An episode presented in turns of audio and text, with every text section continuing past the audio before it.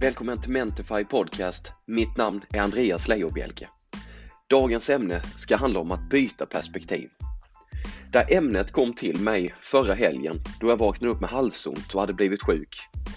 Och när jag blir sjuk så upptas mina tankar av negativ negativitet. Det förstoras upp och jag kan inte tänka på någonting positivt. Jag ser allting jag hade velat göra men nu inte kan. Till exempel så älskar jag att träna. Jag kunde inte träna. Hela min familj var sjuk, min fru och min son. Eh, vilket var väldigt utmanande att vi alla var hemma eh, sjuka och knappt kunde gå ut. Och, eh, vi älskar att vara ute i trädgården och röra på oss och hitta på saker. Det kunde vi inte göra. Och det började jag fokusera på väldigt mycket. Jag har jobbat med detta ganska mycket med att byta perspektiv. Eh, tränat på det under många år. Och framförallt då när jag har blivit sjuk.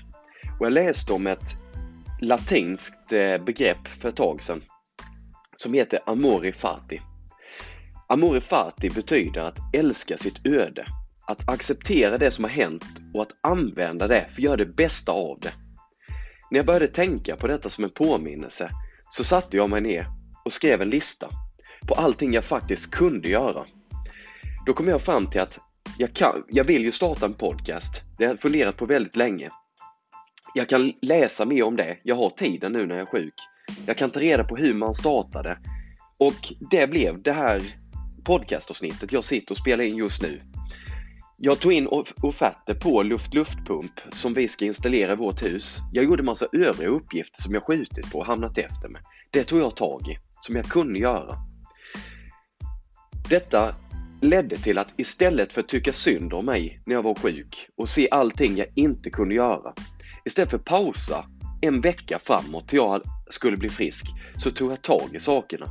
Vilket gör att jag sitter nu en vecka senare och spelar in det här avsnittet och har gjort massa av de här sakerna så att det känns som att jag ligger steget före och inte efter.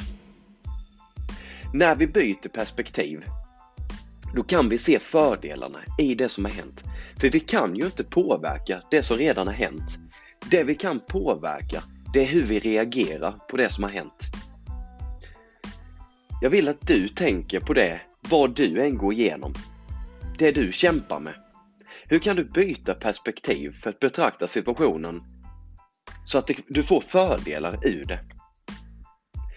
Tack för att du lyssnar.